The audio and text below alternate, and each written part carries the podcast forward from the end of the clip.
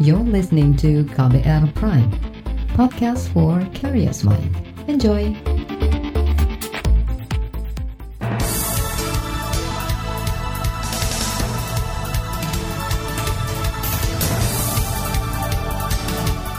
Pagi saudara, kembali kami menyapa Anda dengan sejumlah informasi pilihan pagi hari ini di Buletin Pagi. Saya Eka Juli. Dan saya Don Brady, kami telah menyiapkan sejumlah informasi terkini di antaranya banjir di Jakarta rugikan usaha hingga ratusan miliar. Pemerintah akan jemput WNI di kapal pesiar World Dream hari ini. Wakil Presiden minta tak ada sara dalam pilkada. Inilah selengkapnya Buletin Pagi KBR.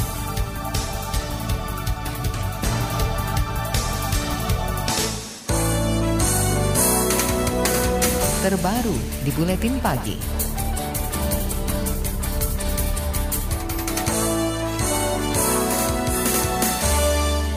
Badan Nasional Penanggulangan Bencana atau BNPB mencatat ada 730-an titik banjir di DKI Jakarta kemarin. Juru bicara BNPB Agus Wibowo mengatakan Data tersebut dicatat berdasarkan laporan masyarakat yang mengabarkan bahwa di daerahnya tergenang banjir. Saya pakai peta bencana, ada banyak sekali, ada 730 titik. Dari jam 1 sampai jam 3 tadi sore itu ada laporan masyarakat yang melaporkan kejadian banjir di seluruh Jakarta itu ada 730 titik. Ke seluruh wilayah Jakarta ada semua. Seluruh wilayah Jakarta ada semua. Ya merata. Itulah masyarakat melaporkan bahwa di tempat tersebut terjadi banjir. Sementara itu dalam rilis Badan Penanggulangan Bencana Daerah atau BPBD menyebut hampir 300 rukun warga atau RW atau setara 10 persen wilayah Jakarta terdampak banjir. Wilayah dengan banjir tertinggi berada di Jakarta Timur. Dari data yang dihimpun, lebih dari 3.500-an warga saat ini mengungsi di 40 titik di, di Jakarta.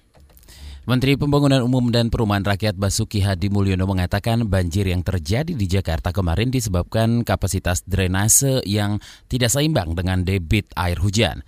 Menurutnya saat kejadian hanya ada dua pintu air yang berstatus siaga, uh, berstatus siaga dua maksud kami yaitu Manggarai dan Karet, selebihnya tidak meluap. Jadi itu kesimpulannya memang drainasenya yang mungkin kapasitas drainasenya yang yang lebih kecil dari volume air intensitas hujannya. Itu tadi Menteri Pembangunan Umum dan Perumahan Rakyat Basuki Hadi Mulyono. Sementara itu Kepala Dinas Sumber Daya Air Juwaini Yusuf telah berupaya menanggulangi banjir dengan mengirimkan lebih dari 150 pompa mobil ke beberapa lokasi yang terendam banjir.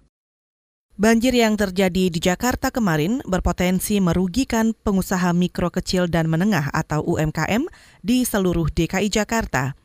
Ketua Asosiasi UMKM Indonesia atau Akumindo, M. Ihsan, Tubun mengatakan, jika dihitung berdasarkan perputaran uang transaksi UMKM di ibu kota yang terhenti selama banjir, kerugian ditaksir mencapai ratusan miliar rupiah. Kalau taksirannya ya, kalau misalnya uh, satu pasar itu tutup atau beberapa pasar tutup, apalagi di Kelapa Gading kan itu sentra sentra apa namanya sentra perekonomian luar biasa tuh di usaha mikro kecil menengah di kuliner dan seterusnya. Itu bisa berdampak satu hari bisa sampai bisa sampai ratusan miliar itu perputaran uang ratusan miliar dampaknya kepada usaha mikro kecil dan menengah. Kami memper, memperhitungkan itu satu hari itu bisa sampai ratusan miliar itu kerugian UMKM di Jakarta gitu. Itu tadi Ketua Asosiasi UMKM Indonesia M. Ihsan Ingratubun. Selain UMKM, sektor lain juga mencatat sejumlah kerugian, seperti Organisasi Angkutan Darat atau Organda DKI yang menyebut kerugian akibat banjir mencapai lebih dari 25 miliar rupiah. Asosiasi Usaha Depo Kontainer 14 miliar rupiah dan Asosiasi Pengusaha Truk Indonesia atau APTRINDO 30 miliar rupiah. Tak hanya sektor ekonomi banjir juga mengganggu fasilitas kesehatan, khususnya Rumah Sakit Cipto Mangunkusumo, Jakarta. Dalam sepekan RSCM telah dua kali tergenang banjir. Direktur RSCM Lis Dina Liastuti mengatakan rumah sakit butuh sedikitnya 10 unit pompa dan pembuatan saluran air untuk mengatasi banjir. Namun saat ini hanya ada dua pompa yang disiagakan di RSCM dan berstatus pinjaman dari Pemprov DKI kami mesti menambah alat uh, untuk penyedot air yang kami miliki sekarang baru dua kami perlu sekitar 10 barangkali dan itu akan kami uh, coba lakukan perencanaan kembali kemudian usulan untuk membuat saluran drainase dan sebagainya ini jangka jangka, jangka pendeknya pendek. jangka ya. pendeknya Direktur RSCM Lis Dina Dilyastuti mengaku harus memastikan beberapa alat akibat terkenang banjir yang berdampak pada pelayanan pada pasien. Lis mengatakan RSCM terpaksa harus mengalihkan beberapa pasien yang membutuhkan pelayanan radioterapi dan MRI ke rumah sakit lain. Dan saudara untuk mengetahui perkembangan terbaru banjir Jakarta, kami sudah terhubung dengan jurnalis KBR Heru Haitami yang berada di salah satu daerah kawasan Rawajati, Jakarta. Heru silakan. Ya Eka dan juga Don, eh, hari ini saya berada di Kelurahan Rawajati di RW 7 tepatnya di Jakarta Timur. Memang beberapa wilayah di Jakarta Timur termasuk Rawajati dan juga Jawang menjadi lokasi yang masuk dalam kategori parah pada kejadian banjir kemarin. Uh, sementara itu, saudara kondisi terkini di lokasi saya berada, air sudah mulai surut dan dikatakan warga juga air mulai mengurang sejak tadi malam. Saudara, meski sudah surut, di beberapa titik lokasi terdampak banjir ini masih tersisa lumpur yang cukup tebal. Dan saat ini warga mulai disibukkan dengan membersihkan rumah-rumah mereka dari lumpur dan material yang terbawa oleh air. Ya, saudara, dapat saya laporkan juga kondisi warga yang uh, paling terdampak oleh banjir saat ini hanya bisa mengungsi di lokasi yang lebih tinggi dengan memanfaatkan halaman puskesmas, kelurahan, dan termasuk pelataran rumah warga yang memiliki ruang cukup besar untuk menampung warga. Demikian dari Rawajati, Jakarta Timur, Heru Hatami melaporkan untuk KBR. Saudara sementara itu Badan Meteorologi, Klimatologi, dan Geofisika BMKG memprediksi akan terjadi cuaca ekstrim dalam tiga hari ke depan di wilayah Jabodetabek. Perakirawan cuaca BMKG Tommy Ilham Reza menjelaskan hujan yang turun di wilayah Jabodetabek berintensitas sedang hingga lebat. Sama untuk wilayah bagian utara, jadi wilayah Jakarta, ini hampir merata, terutama untuk wilayah Jakarta Utara, Jakarta Barat, Jakarta Pusat, dan juga Jakarta Timur yang masih perlu waspada. Dan ini diperkirakan dalam tiga hari ke depannya masih akan berpeluang terjadi di wilayah DKI Jakarta dan uh, Jabodetabek secara umum. Sama untuk wilayah Jabodetabek lainnya ini di wilayah Tangerang, kemudian juga di wilayah Bekasi bagian utara. Tommy Ilham Reza menjelaskan tingkatan cuaca ekstrim ini serupa dengan yang terjadi di beberapa hari terakhir. Karenanya warga diminta waspada termasuk terhadap dampak banjir di berbagai lokasi yang rawan. Pemerintah akan menjemput WNI di kapal pesiar World Dream hari ini. Informasinya sesaat lagi, tetaplah di Buletin Pagi. You're listening to KBR Pride, podcast for curious mind. Enjoy!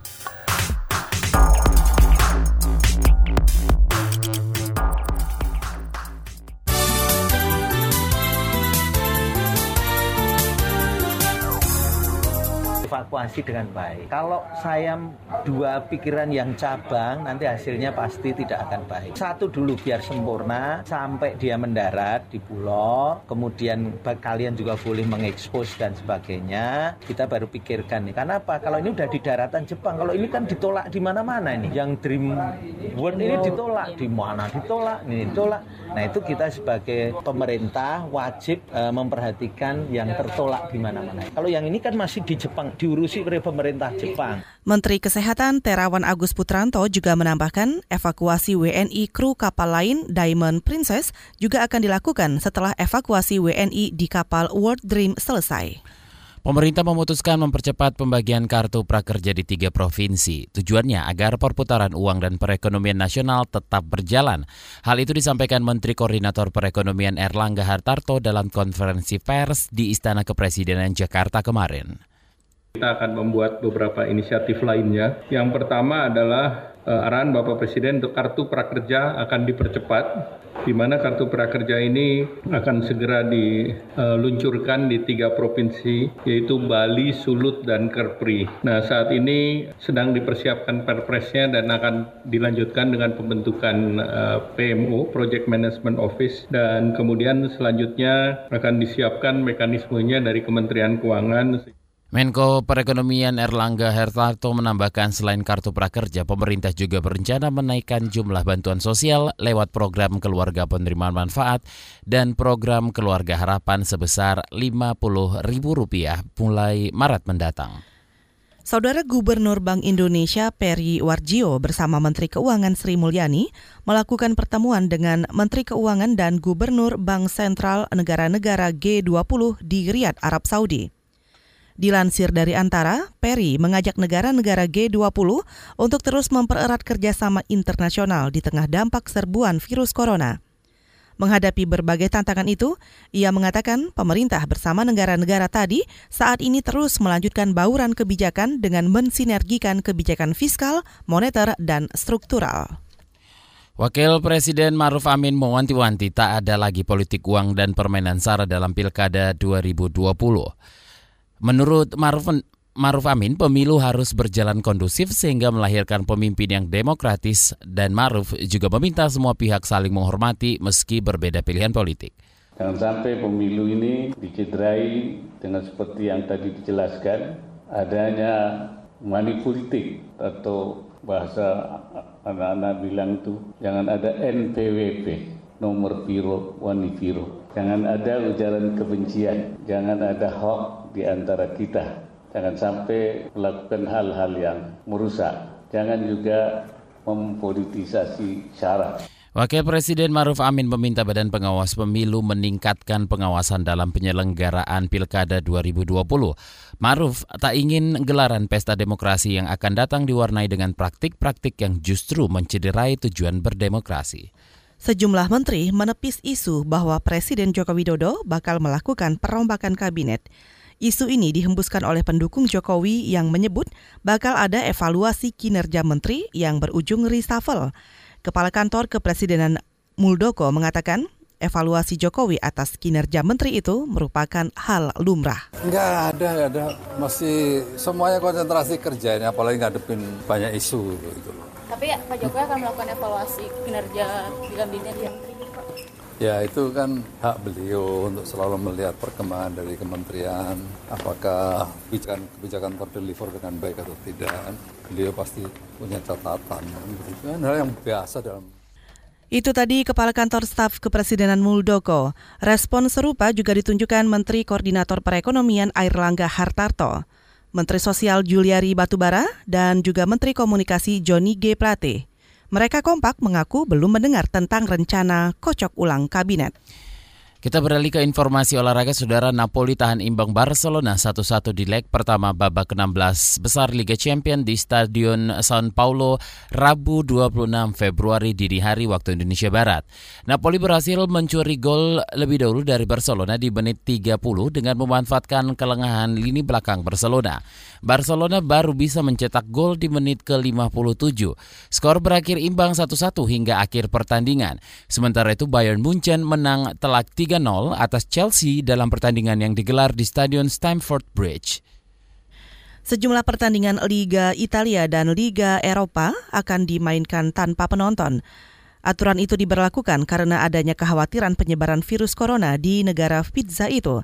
Menteri Olahraga Italia tidak menyebut terdapat enam pertandingan pekan ini yang akan digelar tanpa supporter. Salah satunya antara pemuncak klasemen Juventus dan tim perangkat ketiga Inter. Sebelum menerapkan aturan pertandingan tanpa penonton, otoritas Italia lebih dulu mengajukan opsi untuk menunda pertandingan. Tapi rencana itu mendapat penolakan dari Presiden Liga Sepak Bola Italia Gabriela Gravina. Saudara Saga KBR tentang penindasan anak buah kapal Asia Tenggara akan hadir usai jeda. Tetaplah di Buletin Pagi KBR.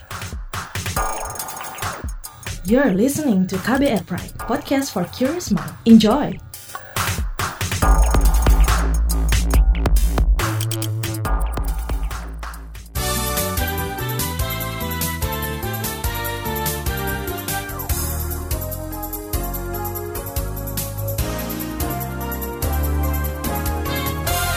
Terima kasih Anda masih mendengarkan Buletin Pagi. Saatnya kami hadirkan Saga KBR. Sebanyak 13 kapal penangkap ikan berbendera asing diduga melakukan penindasan terhadap anak buah kapal atau ABK asal Asia Tenggara. Berdasarkan tingkat keparahannya, perlakuan-perlakuan yang diterima para ABK itu bisa digolongkan sebagai perbudakan modern – Greenpeace dan Serikat Buruh Migran Indonesia menunjukkan bagaimana ABK asal Indonesia mendapat diskriminasi saat bekerja. Berikut kisahnya. Kita bekerja kan di satu kapal 15 orang. Kenapa yang kalau setiap ngisi umpan itu orang Indonesia yang suruh bekerja? Jam istirahat saya tidak dikasih makan. Jadi sang kapten itu memberikan sebuah kalimat bahwasanya kalian boleh istirahat ketika kalian itu sudah benar-benar tidak bisa jalan dan tangan kalian sudah tidak bisa bekerja. Itu statementnya seperti itu. Jadi sakit pun ya tetap aja suruh bekerja. Sama aja kita kerja rodi lah, masih kerja rodi itu di kapal. Di kapal sebelah yang Androng 355 ketika terjadi kematian sebanyak tiga orang. Disebabkan oleh makan yang expired, itu dijelaskan oleh dokternya. Makan yang expired, kemudian minum air yang tidak layak minum dengan dalam jangka waktu yang lama. Hampir enam bulan kita itu minum dengan air embun yang keluar dari AC, bayangkan.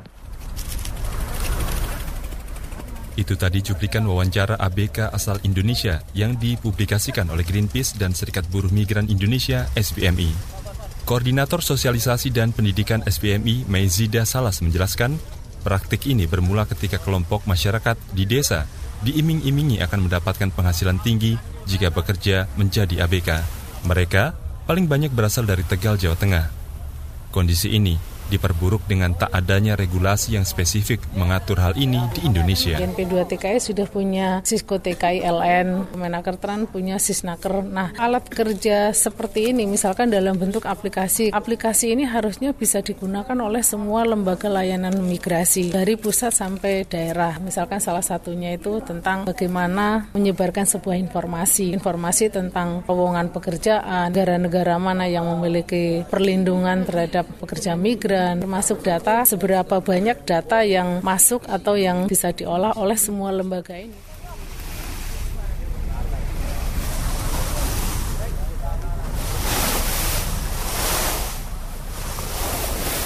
Juru kampanye Laut Greenpeace Asia Tenggara, Arif Syah Nasution menyebut, pengawasan dan penegakan hukum dari pemerintah Indonesia belum efektif mencegah perbudakan pada ABK. Padahal, ada indikasi bahwa banyak ABK yang ditindas ketika bekerja di atas kapal penangkap ikan berbendera asing. Umumnya pada kapal milik Taiwan, Cina, dan beberapa negara di Afrika.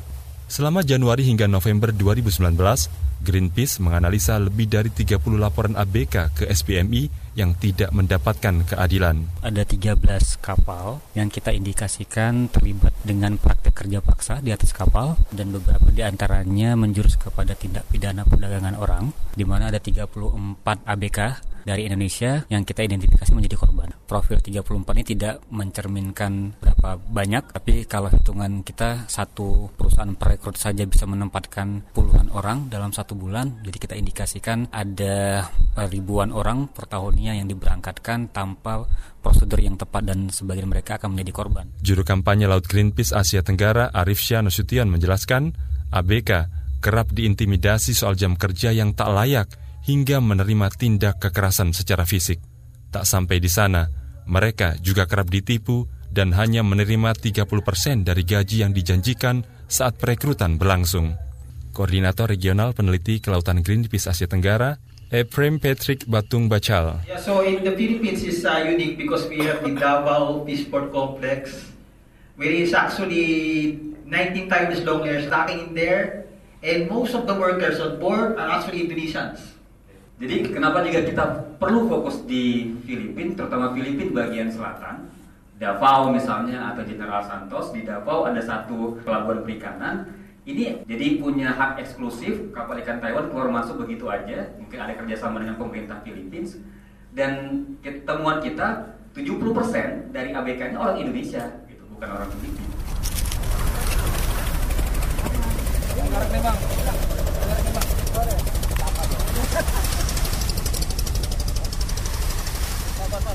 Greenpeace mendesak negara-negara di Asia Tenggara untuk meningkatkan kesadaran terhadap pentingnya menerima hasil tangkapan ikan yang secara baik, termasuk dalam memberikan perlakuan layak terhadap para pekerja di laut.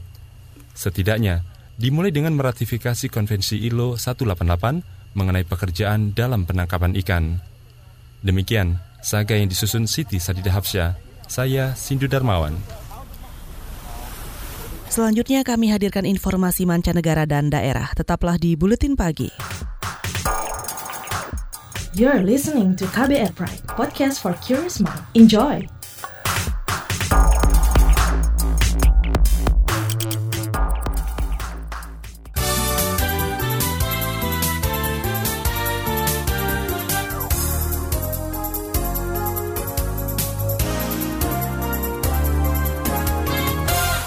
Anda mendengarkan bagian akhir buletin pagi KBR dari informasi mancanegara Saudara Istana Kepresiden Mesir, Kepresidenan Mesir mengumumkan hari berkabung nasional selama tiga hari untuk menghormati meninggalnya bekas Presiden Hosni Mubarak.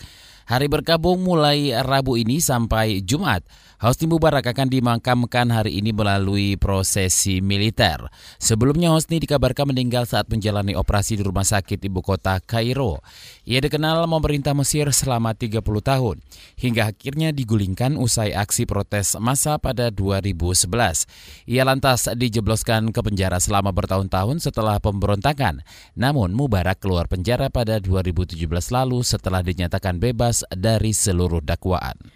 Saudara hingga kemarin warga dari Desa Sumber Mulyo, Kecamatan Pesanggaran Banyuwangi melakukan mogok makan menuntut Gubernur Jawa Timur mengkaji ulang perizinan perusahaan tambang emas di kawasan Tumpang Pitu. Salah satu peserta aksi, Hidayat, mengaku akan terus menginap di depan kantor gubernur dan melakukan mogok makan hingga Hovifah menemuinya. Ya tergantung gubernur sih. Kalau gubernur punya niat baik menemui warganya ya kita segera pulang. Kalau enggak yang nginep. Harapannya ya gubernur sesuai kewenangannya mencabut izin tambang yang ada di kampung kita. Itu tadi salah satu peserta aksi Hidayat. Di sisi lain, Gubernur Jawa Timur Hovifah Indar Parawansa mengaku perwakilannya telah menemui pendemo. Hovifah juga meminta pendemo membuktikan bentuk pelanggaran yang dilakukan perusahaan tambang di kawasan Tumpang Pitu. Menurut Hovifah, pemerintah akan mencabut izin tambang jika perusahaan terbukti melanggar aturan lingkungan. Jalan penghubung Ponorogo Pacitan ambles sepanjang 6 meter dengan kedalaman 10 meter. Longsor, longsor terjadi akibat hujan lebat yang mengguyur selama beberapa hari terakhir.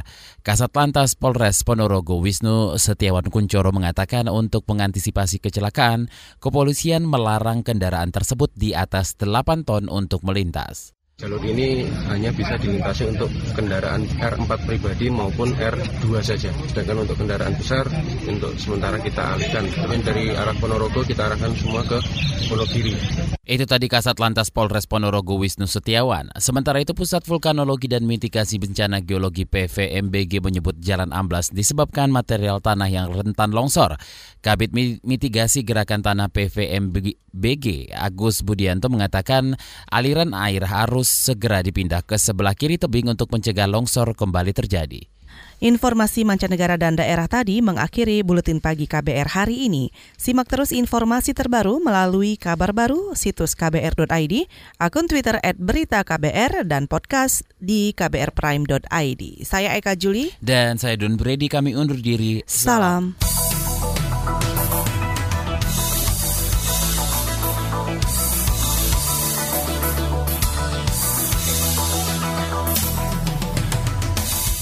KBR Prime, cara asik mendengar berita.